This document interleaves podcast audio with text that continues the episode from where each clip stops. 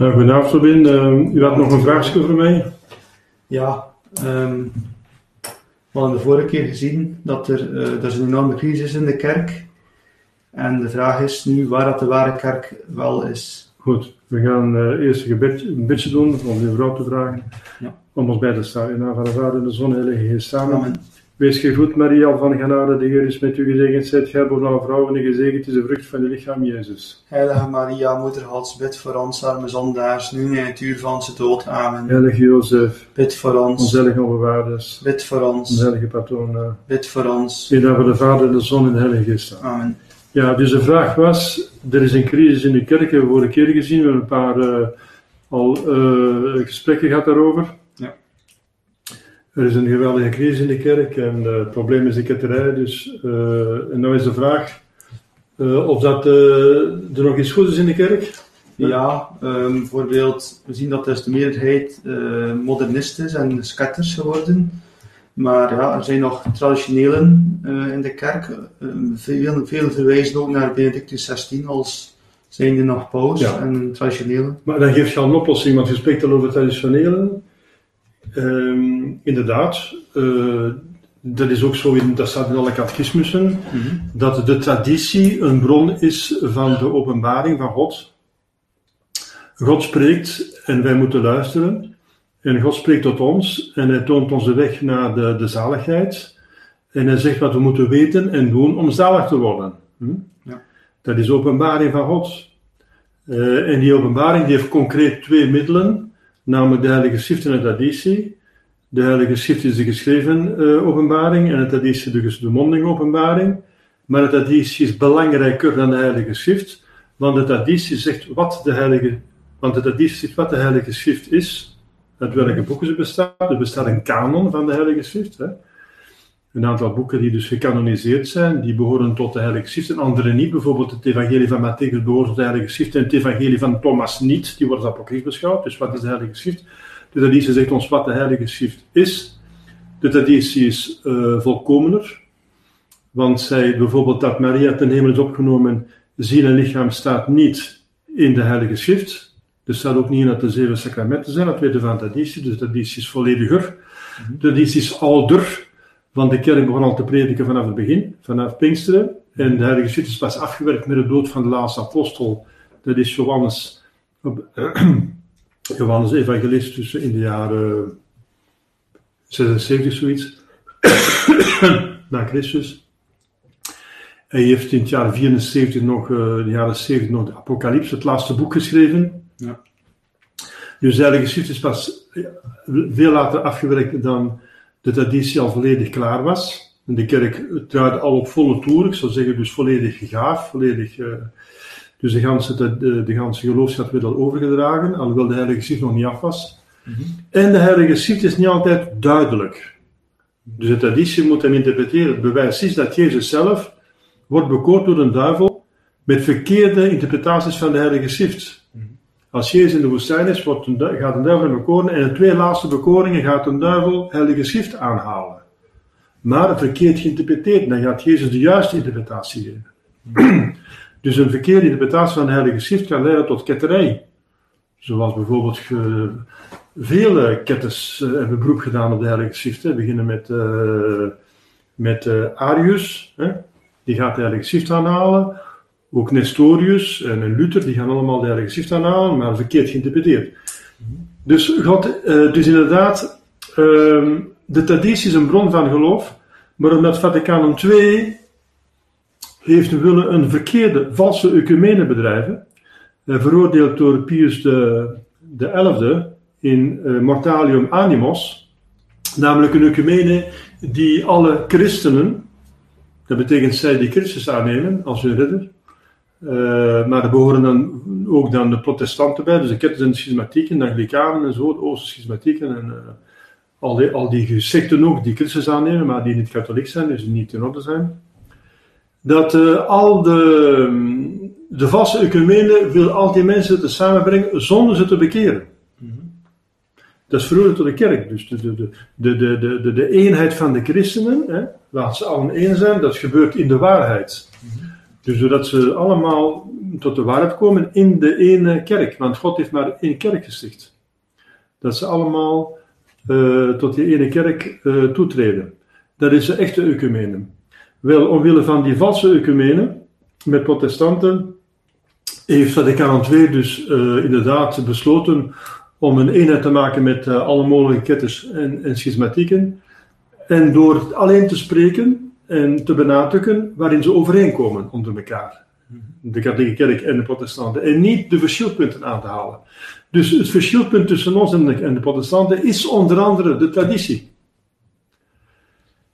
En waar we in overeenkomen is dat we allebei de Heilige Schrift aanvaarden. Of een algemeen, al Heilige Schrift aanvaarden. Want Luther heeft de Heilige Schrift vervalst. Dus heeft eigenlijk een andere Heilige Schrift. Maar heeft ten eerste een valse vertaling gemaakt in het Duits heeft boeken eruit gegooid uit de Heilige Schrift van de Katholieke Kerk.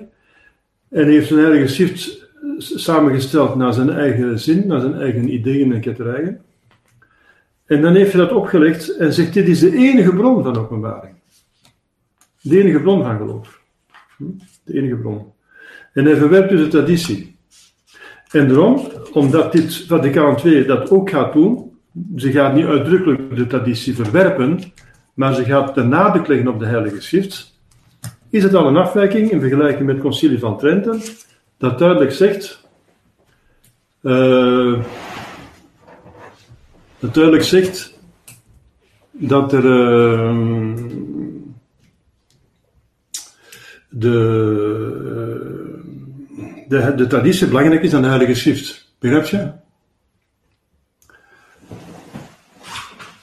Dus dat is een eerste zaak. Dus uh, u hebt gezegd, u hebt gesproken over het traditionalisten, inderdaad. Dan heb je al een element van, van, van, van, van oplossing gegeven. Mm -hmm. Want de oplossing is inderdaad uh, tegenoverstellen van de ziekte.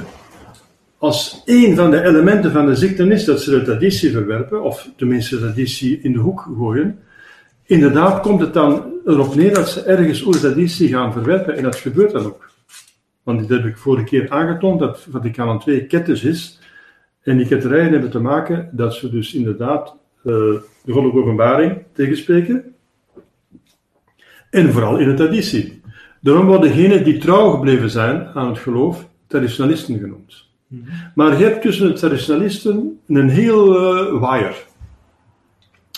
Dus je had en, en in die waaier zitten ook veel uh, verkeerde elementen. Verkeerde elementen. Hè? Dus uh, Jezus zegt, uh, pas op voor de wolven in schaapskleren. Hè? Dus dat is uh, een bekende uitspraak van Jezus. dat wil zeggen een, een, een wolf, dat wil zeggen degene die de schapen opeet. Maar schaapskleren, dat betekent hij doet zich voor als een gelovige. Mm -hmm. En um, dus daar moeten we voor oppassen. Jezus zegt het zelf. Wel, je hebt dus, um, ja, dus de reactie van traditionelen, maar er zijn verschillende traditionelen. Je hebt echte traditionelen en je hebt de valse traditionelen. En de eerste vraag was Benedictus 16. Ja? ja.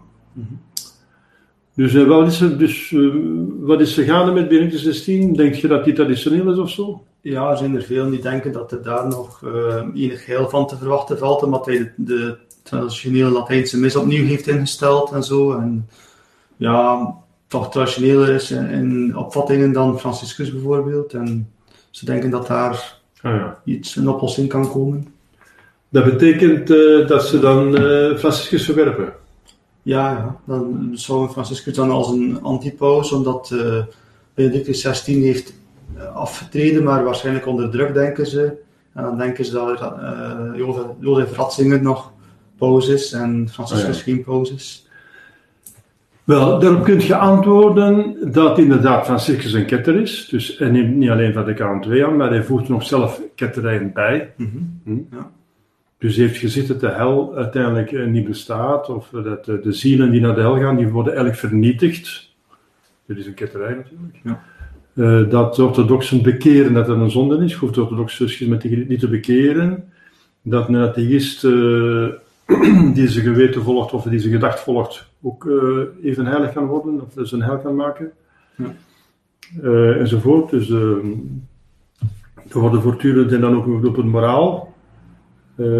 dat de communie eventueel zou kunnen gegeven worden ook aan gescheiden mensen die getrouwd zijn, dus in, op, publiekelijk in doodzonde leven. Hè? Ja. Mm -hmm.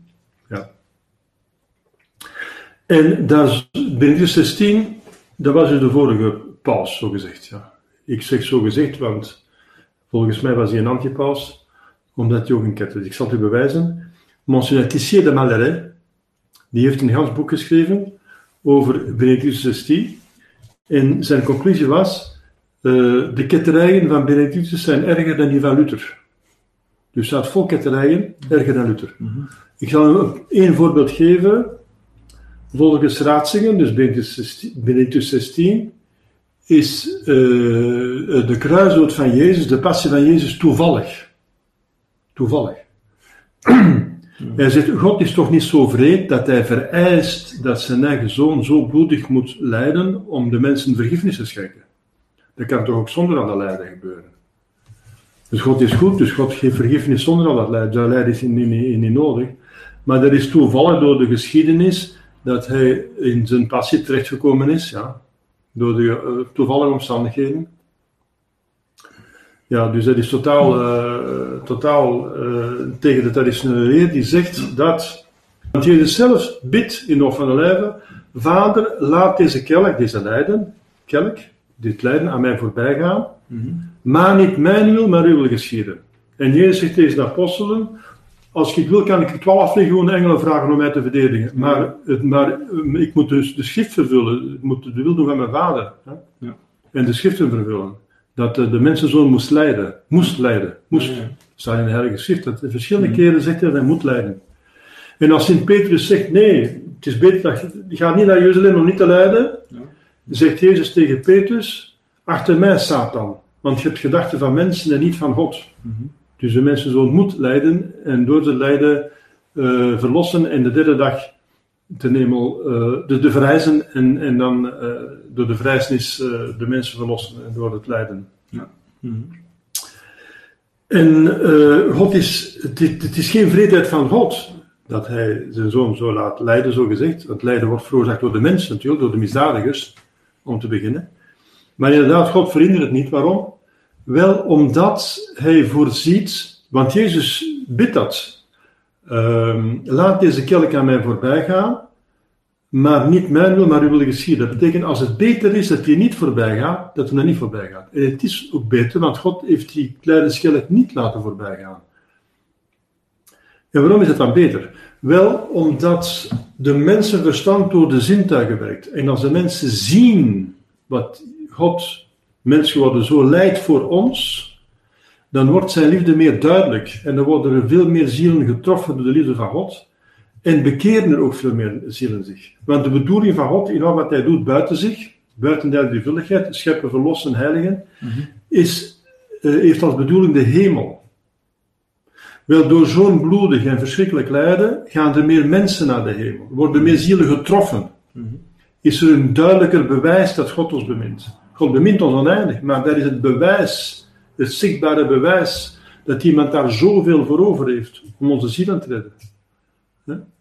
En daarom was het beter dat hij moest lijden, omdat er meer zielen gered worden. Begrijp je? Ja. Mm -hmm. Dus dat is een één ketterij van Benedictus 16. En Monseigneur Cinemalere zegt dat er dus veel meer zijn dan bij Luther. En Luther had voor één enkele theorie al 33 veroordelingen. Hè? Dus voor de rechtvaardigingsleer. Ja. Laat staan uh, voor de rest. Voor de afschaffing van de, de, sacramenten, sommige sacramenten enzovoort, de verkeerde opvatting over de, over de heilige mis uh, enzovoort, en uh, over de, de, de, de ehm, verkeerde opvatting over het priesterschap enzovoort. Dus Benedictus 16 is om te beginnen een ketter, een veelvuldige ketter. Erger dan Luther, zegt uh, Monsieur de Malerij. -hmm. Dus uh, ten tweede is hij afgetreden. Dus doordat hij ketter is, is hij al geen paus. -hmm. Is al geen paus. Maar uh, hij is uh, vrijwillig afgetreden en een, een, eh, een paus verliest zijn pauschap door vier oorzaken. Door de dood, door dementie, door aftreding of de ketterij uh, en of schisma. Voilà. Ja. Dus een aftreding is geldig. Er zijn pausen in de geschiedenis van de kerk afgetreden, bijvoorbeeld de heilige paus Celestinus, die wou terug als kluizenaar gaan leven. En die is afgetreden. Eh, omdat hij dus het, uh, het pauselijk leven te druk vond en hij wou dus terug als monnik gaan leven om zijn ziel beter te redden. Hij zegt, ik ga heiliger worden als ik monnik word en als ik paus word. Dus ik ga, ik verkies uh, als uh, kluizenaar te gaan leven. Ja. Dus er zijn twee dingen. Hij is ketter en door de ketterij verlies je pauschap. Dat zullen we later nog bewijzen. Dat staat ook in, de, in, de, verschillende bronnen. Dat staat in uh, kanoniek recht. Dat staat nu nog altijd in kanoniek recht, maar vanaf Gratianus staat er in kanoniek recht. Er zijn uitspraken van Paulsen, onder andere Benedictus derde, de Innocentius derde. Je hebt uh, eigenlijk de unanimiteit van al de rechtsgeleerden, de theologen, de bisschoppen en de paus die er ooit over gesproken hebben. Die hebben verschillende meningen over allerlei dingen die er rondhangen, maar over de kern zijn ze het eens, namelijk dat als een paus een ketterij verkondigt, openlijk en publiek, verliest zijn pauschap uh, automatisch. Dus dat betekent, God heeft hem afgezet. Zo, dat is een eerste zaak. Um, dus Benedictus 16 uh, kan dus, uh, is nooit paus geweest trouwens. Want hij was al ketter voordat hij paus werd gekozen.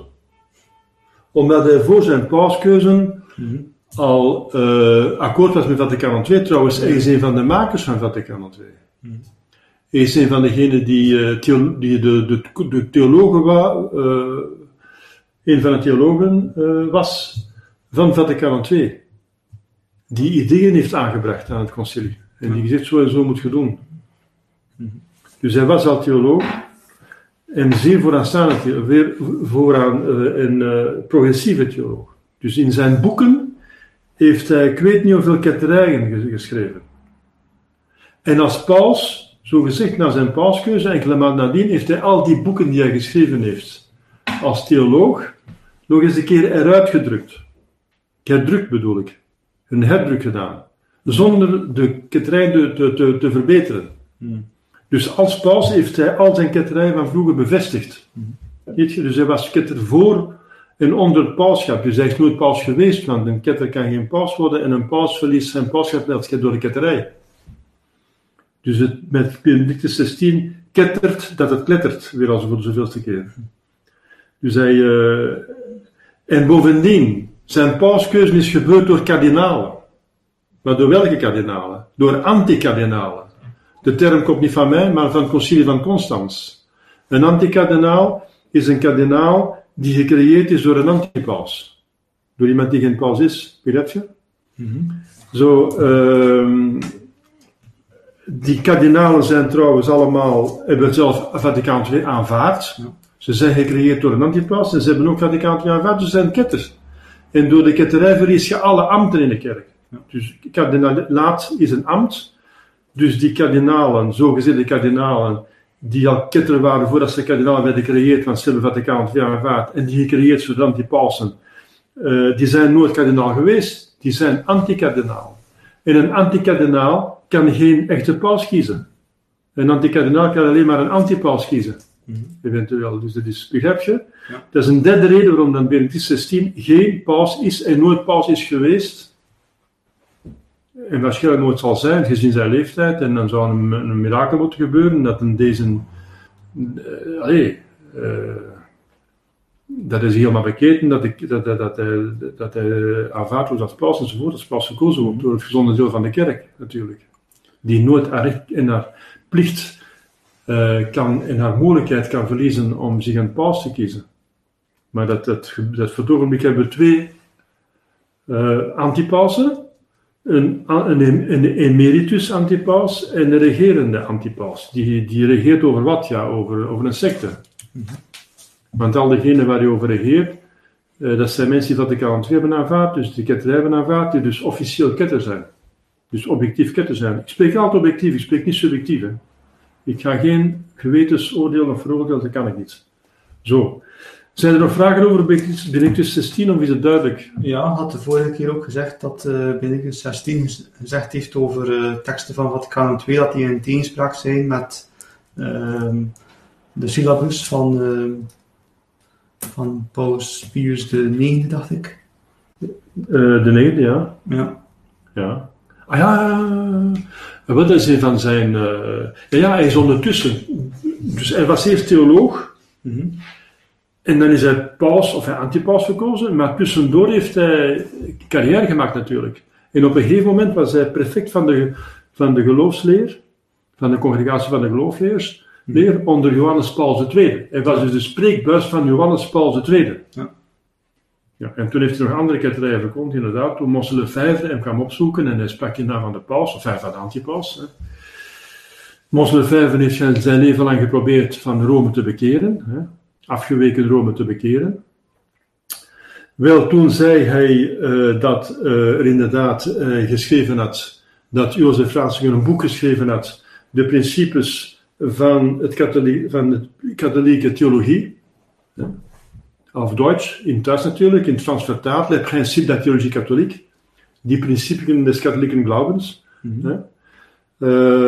en daarin staat duidelijk, zwart op wit, dat Vaticaan II, hm, vooral met Gaudium et Spes, een van de hoofddocumenten, een, in tegenspraak staat met de encycliek Quanta Cura en de syllabus, dus de lijst van, van uh, verdwalingen, mm-hmm. van veroordelingen, als annex bij die, bij die, uh, bij die, bij die encycliek van Pius IX in de, in, in de 19e eeuw. Mm-hmm.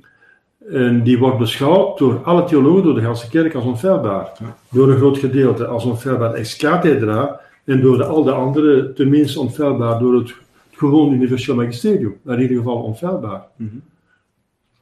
Wel, toen heeft Mons Lefebvre gezegd, maar Mons Eminentie, u schrijft in uw boek dat er een tegenspraak is tussen Vaticaan II, dat een pastoraal concilie is, dat dus niet dogmatisch heeft willen zijn, Paulus VI heeft duidelijk gezegd dat hij geen dogma wil afkondigen. Mm -hmm.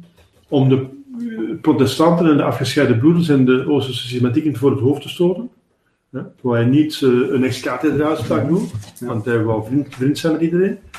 Dus hij heeft zijn onfeilbaarheid niet willen gebruiken, dus het is niet gebruikt geweest. Hm? Dus dat concilie is niet onfeilbaar.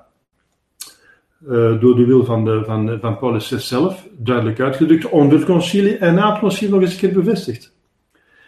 En dan is er een tegenspraak tussen dat, dus feilbaar, uh, dat pastoraal concilie, niet een dogmatische concilie, maar pastoraal concilie, dat wil zeggen, hoe gaan we ons verhouden tegenover de moderne wereld, hè, pastoraal. Mm -hmm. Een tegenspraak met een onfeilbaar document. En als er een tegenspraak is, dan kiezen wij toch voor dat onfeilbaar document. En verwerpen wij toch de Vaticaan II. En kardinaal Raatzinger antwoordde toen aan Monsieur Lefebvre, dus die, uh, dat gesprek is opgenomen en officieel uh, gepubliceerd. Ja. En Monsieur Lefebvre die getuigde erover, uh, verschillende keren. Zij, kardinaal Raatzinger, de prefect van de geloofsleer, in naam van de, van de regerende paus, antipaus, Johannes Paul II, zei hij, ja maar monseigneur, wat er waar was in de 19e eeuw, hoeft niet noodzakelijkwijze waar te zijn in de 20e eeuw. Ja, dat is modernisme. Er bestaan geen uh, absolute voor, uh, waarheden meer. Dat is modernisme. Toen antwoordde Mons Lefebvre, eminentie, maar dan kunnen wij niet meer verder praten met elkaar. Maar wat u vandaag zegt, is misschien morgen ook niet meer waar. Ja. Hm. Dat was einde discussie. Ja, -hmm. Dat is dus uh, gebeurd. Mm -hmm. Dus je ziet, dat is inderdaad nog een ander element dat toont dat Benedictus XVI, Jozef Ratzinger, altijd ketter is geweest. Mm -hmm. Ook al was hij conservatief. Nu kun je zeggen, hoe is dat mogelijk dat zo iemand dan als paus uh, de excommunicatie opheft van Mons Lefebvre en van de, en van de, de vier bisschoppen die hij gewijd heeft, uh, samen met Mons en Castel de Mayer. -hmm. En waarom dat, uh, dat Benedictus XVI op 7 juli 2007 dan plots wel, wel door Summorum Pontificum, een motu proprio, de oude mis toestaat voor de ganse uh, kerk, zo gezegd. Dan kunt u die vraag stellen. Ja, wel, dit antwoord is heel eenvoudig. Ehm, het staat in de encycliek van Pius X. Die spreekt over het modernisme. Pascendi Dominici Gregis. Hm? Wel, die uh, uh, encycliek, die, uh, daarin legt Pius X duidelijk uit hoe het modernisme werkt in de kerk. of wat een, normaal moet het modernisme niet werken in de kerk, want het is een ketterij, dus normaal werken die in de kerk, maar hoe een geïnfiltreerde modernist denkt dat de kerk zou moeten functioneren. Hm? Wel, volgens een modernist moet er altijd in de kerk moeten er twee krachten zijn. Een progressieve kracht en een conservatieve kracht. De progressieve kracht zit onder, hm? dat is het volk en dat zijn de theologen. En de conservatieve kracht, dat zit hoog, dat is de hiërarchie, dat is de paus, de curie, de kardinaal mhm. en de bisschop en eventueel, die is een beetje tussen de twee. Ja. Uh, ja. Vooral de paus en de curie. Mhm. Dus de paus en de, de, de, de, de hoge administratie. En de progressieve kracht is een motor. En de conservatieve kracht is de rem. Dus in een auto moet je dus de motor hebben en de rem, want anders gaat het niet. En je moet beide hebben. Wel, dat is volgens de modernisten. Dat betekent dat uh, de progressieven, dat betekent met andere woorden ketters. Hm? De progressieven die moeten allerlei moderne theorieën eh, naar voren brengen, ook al zijn ze, ook al zijn ze tegenstrijdig met het geloof. Dat blijkbaar moet, moet dat kunnen. Dat moet kunnen volgens een modernist. Dus dat, dat, moet, dat moet zo zijn. En dan moet de top reageren en zeggen: Oh, oh, hij gaat te ver.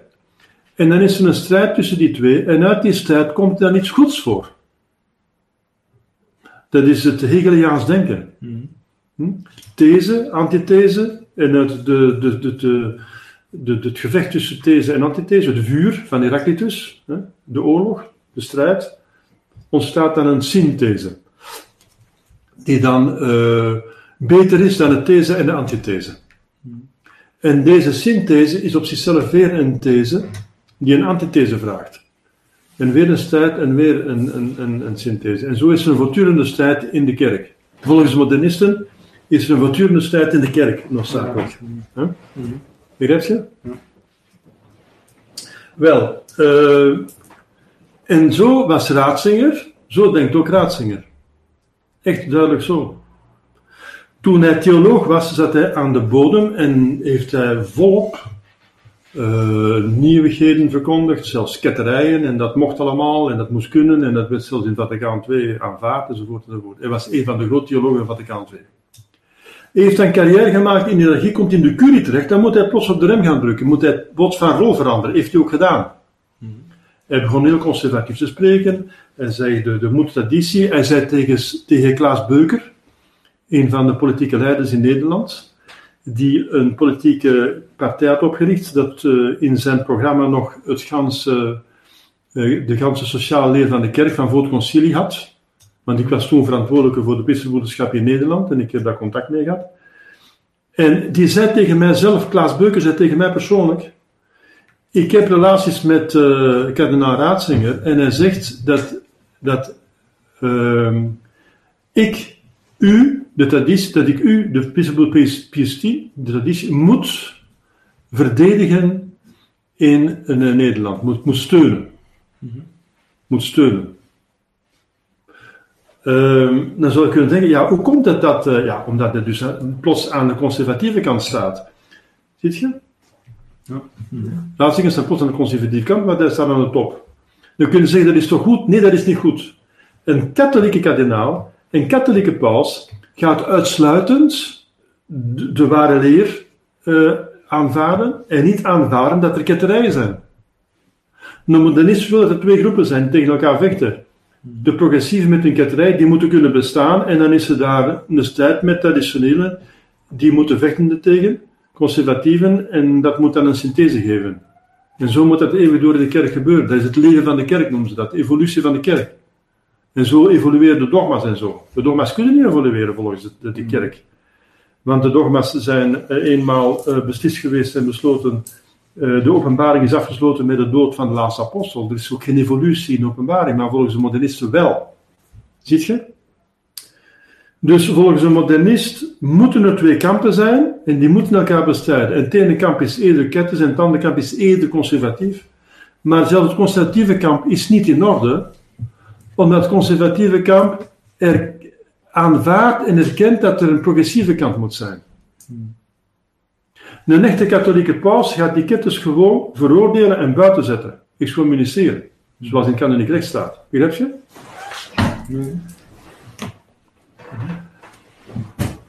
Dat was in kanoniek recht staat en ehm, dus uh, dat is geen wat een modernist dus, uh, dat is het verschil tussen een modernistische paus en, een modernistische klerus, hogere klerus, en, en, en, en, en, een echte katholieke paus en klerus. Hm? Een echte paus gaat dus alleen maar degene die rechtgelovig zijn in de kerk aanvaarden. En de, een modernistische paus, zoals uh, later uh, zoals de Fraatzinger geworden is, Benedictus XVI, uh, die gaat dat dus ook nog aanvaarden, dat er dus binnenin de kerk progressieven zijn.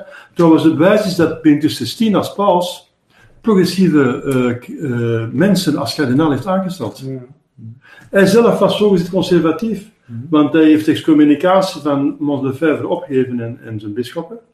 En hij heeft de traditionele mis aanvaard. Maar voor de rest gaat hij uh, de ketters in de kerk niet veroordelen. Of alleen maar de allerergste. Uh, heeft een paar veroordeeld maar, maar heeft een heel hoop laten lopen. En heeft zelfs heel progressieve en pro-LGBT enzovoort. En uh, heel uh, veel verdachte individuen heeft hij, heeft hij gepromoot tot in de hoogste rangen van de, van de, van de kerk, van de antikerk, zou ik nu zeggen. -hmm. Dus dat is het verschil. Dus dan moet je goed begrijpen dat voor een modernist, dat staat in een encycliek, ik herhaal het, in de encycliek van, van Pius X, Passion Grace, staat heel duidelijk hoe een modernist denkt over de kerk. Volgens een modernist moet in de kerk moet er twee groepen zijn. En wat kardinaal Ratzinger, die Benedictus XVI vond, als hij kardinaal werd, en nadien paus, is dat de traditionele groep te klein en te zwak geworden was. Daarom zegt hij tegen Klaas Beuker, je moet de traditie steunen in Nederland. Want de progressieven waren te sterk geworden. Ja, als de grote te sterk wordt en de rem te zwak, dan vlieg je nog uh, natuurlijk tegen een boom. Dus hij vond dat het evenwicht verbroken was. De progressieven waren te sterk geworden en het traditioneel te zwak. En daarom vroeg hij, heeft hij gewerkt om de traditionele groep in de modernistische secte te versterken. Om die strijd te laten verder gaan. Want er mag nooit één het totaal winnen en de andere uitroeien, want dan is er geen strijd meer. Daarom heeft XVI altijd de progressieven ook bevoordeeld, zonder de progressieven af te schaffen. Hm?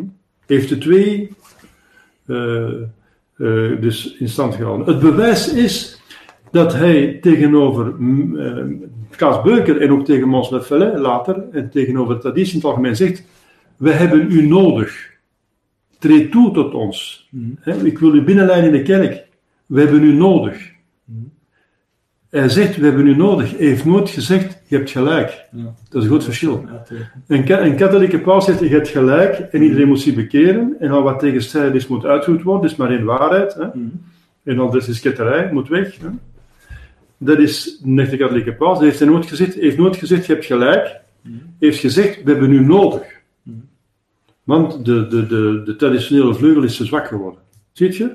Dus dat is een beetje ingewikkeld, maar het is wel noodzakelijk om te begrijpen hoe dat mogelijk is dat zo'n aardsketter, dat ze volgens Mons de Malerij zo iemand die zoveel ketterijen heeft verkondigd, dat die dan toch, uh, dat die dan toch uh, de, de, de, de, traditie bevoordeelt en de oude heeft in stand gehouden heeft terug uh, gepromoot. Ja, dus dat, om dat te begrijpen. En dus traditionele gewaden ja. en, en, en de liturgie uh, heel erg verzorgd. Ook in Rome zoveel mogelijk meer Latijn heeft ingevoerd. Mm. Dus hij heeft, ja. Hij heeft nog een andere uitdrukking gehad. Hij zegt, in iedere familie, de kerk is een grote familie, heb je een, een patrimonium. Je hebt een grootmoederskast. In elke familie staat een grootmoederskast. En die moet je eerbiedigen. Hm. Wel, de traditie, de mis van uh, Pius V, de Latijnse mis, is grootmoeders kast, en wel, die heeft ook haar recht van bestaan. Je mocht die niet buiten smijten. Dat hoort niet. Je mocht die niet buiten smijten. Dus die heeft ook haar recht, de grootmoeders kast. Maar het is grootmoeders kast, dat wil zeggen, dat is verleden, en nu gaan we verder met iets anders. Maar die grootmoeders kast heeft wel haar plaats in het huis. Dat is wat hij zelf ook heeft gezegd een keer. Dus hij vergeleek dat met een patrimonium van een. Dus je ziet wat een verschil in de katholieke paus. Zegt, dit is openbaring, dit is een waarheid. En die verkondigen we en die bewaren we. En al wat daarmee tegenstrijdig is, sekreterij en eruit.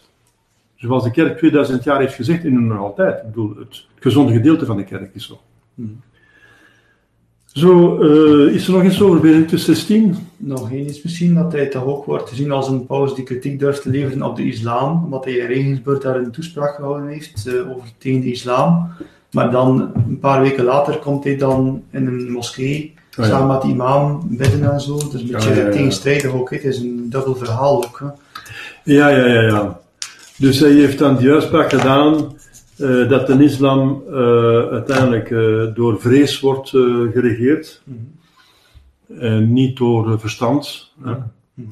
En tegenspraak, en heeft, laten, eh, heeft, heeft, een, heeft een, een, een, keizer Ja, aangehaald, geciteerd, Ja. die dat zei. En dat is niet onwaar natuurlijk. Mhm. Maar ja, Benedictus 16, eh, het is een Duitser. Eh, moet goed begrijpen, dus de Duitsers die gaan graag grondig te werk. En hij, hij was van het concept dat de kerk haar wortels heeft in, in Europa. In Rome, in, in Europa, in Frankrijk, in Duitsland, in het Heilige Roomsrijk, de Duitse natie, in het, eh, het Frankrijk van Clovis, in, in, in, in, in Spanje, eh, dat heel katholiek, eh, heel goede theologen heeft voortgebracht, eh, enzovoort. Dus, dus heeft, en, en dat vanuit Europa eh, de ganse wereld is eh, gemissioneerd geweest. Natuurlijk is er een, een oorspronkelijk christendom in het oosten, maar het oosten is voor een groot deel vervallen in ketterij en in schisma en in de handen gevallen van de islam. Dus de, de, de basis van de katholieke kerk is voor hem nog steeds Europa, ook al zit de meerderheid van de gelovigen in Zuid-Amerika, in Amerika. Is de basis, de wortels zitten in Europa. Dus Europa moet volgens hem overleven. En hij weet heel goed dat de islam natuurlijk niet overeenkomt met katholiek geloof, dus daarom had hij, eh, maar zij eerder eh, dus negatief tegenover de islam, of kritiek. Maar toen hij zag dat eh, hij die kritiek openlijk uitte en er werd onmiddellijk een, mos- een, kerk in brand gestoken en een non werd vermoord, eh, en waar het geweld tegen gegaan, heeft hij dan weer een vriendschappelijk eh, gebaar gedaan richting eh, islam. Eh, door, dan, eh, ja, door dan nadien eh, te gaan bidden in een blauwe moskee en zo. eh. Eh, trouwens, ehm, hij is een onderschrijver en een auteur van Vaticaan II dat zegt dat er in eh, Nostra Aetate, eh, paragraaf 2 en 4, dat er elementen van waarheid en heil zijn in alle gelovigen. In, al, in alle geloven, in alle godsdiensten. Er zijn elementen van waarheid en heil in alle godsdiensten, dus ook in de islam.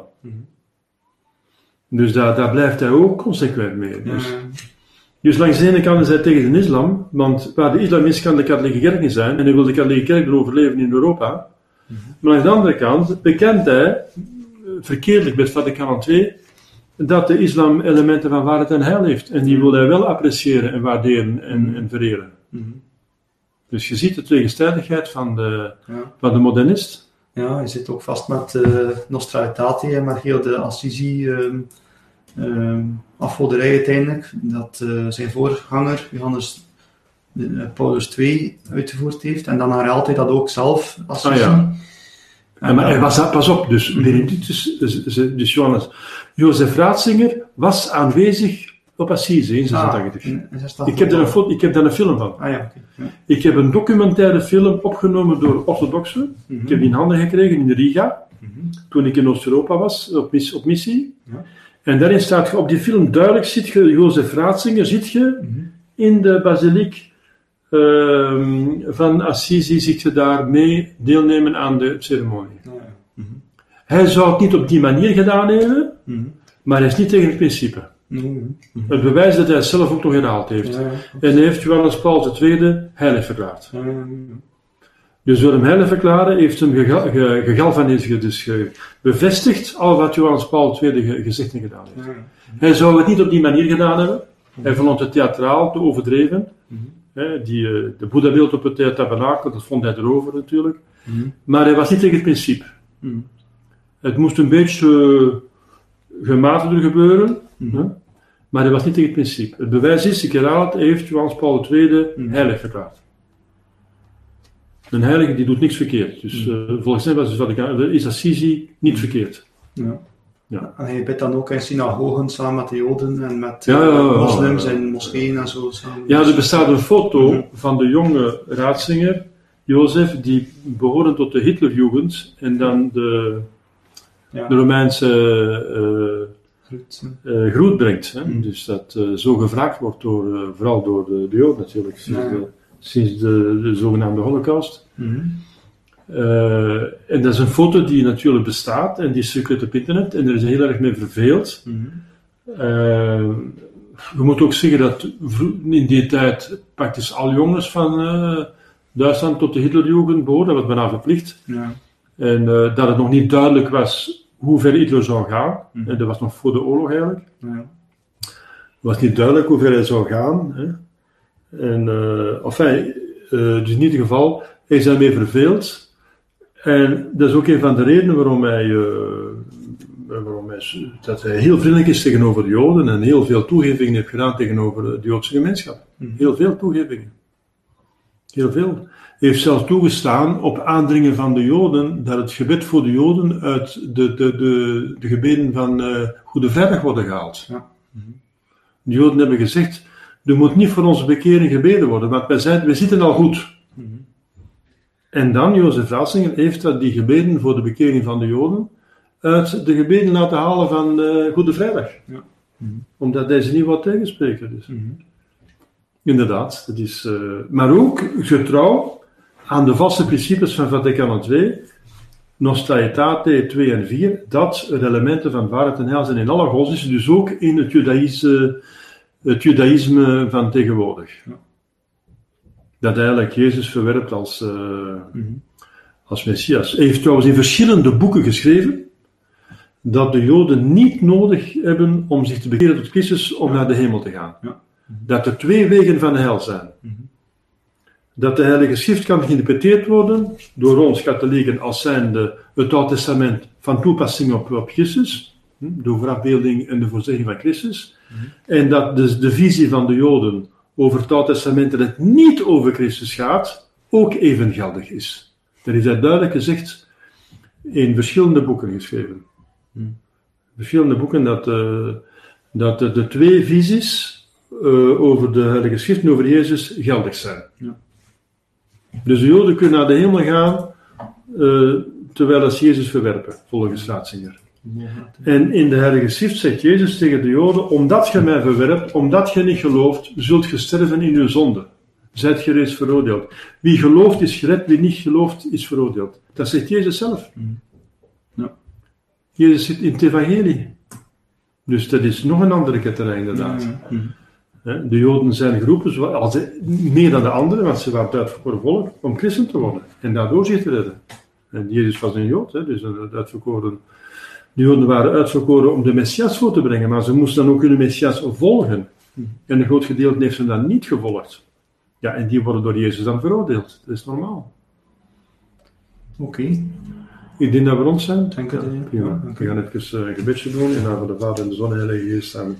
Wees gegroet, Maria van genade, de Heer is met u gezegend. Zit gij boven alle vrouwen en gezegend is de vrucht van de lichaam Jezus. Heilige Maria, Moeder Gods, bid voor ons arme zondaars, nu in het uur van onze dood. Heilige Amen. Jozef, Bid voor alle ons, Joos, lieve Heilige. bid voor ons. de Vader en de Zoon en de Heilige Geest. Amen. Amen. Dus tot de volgende keer.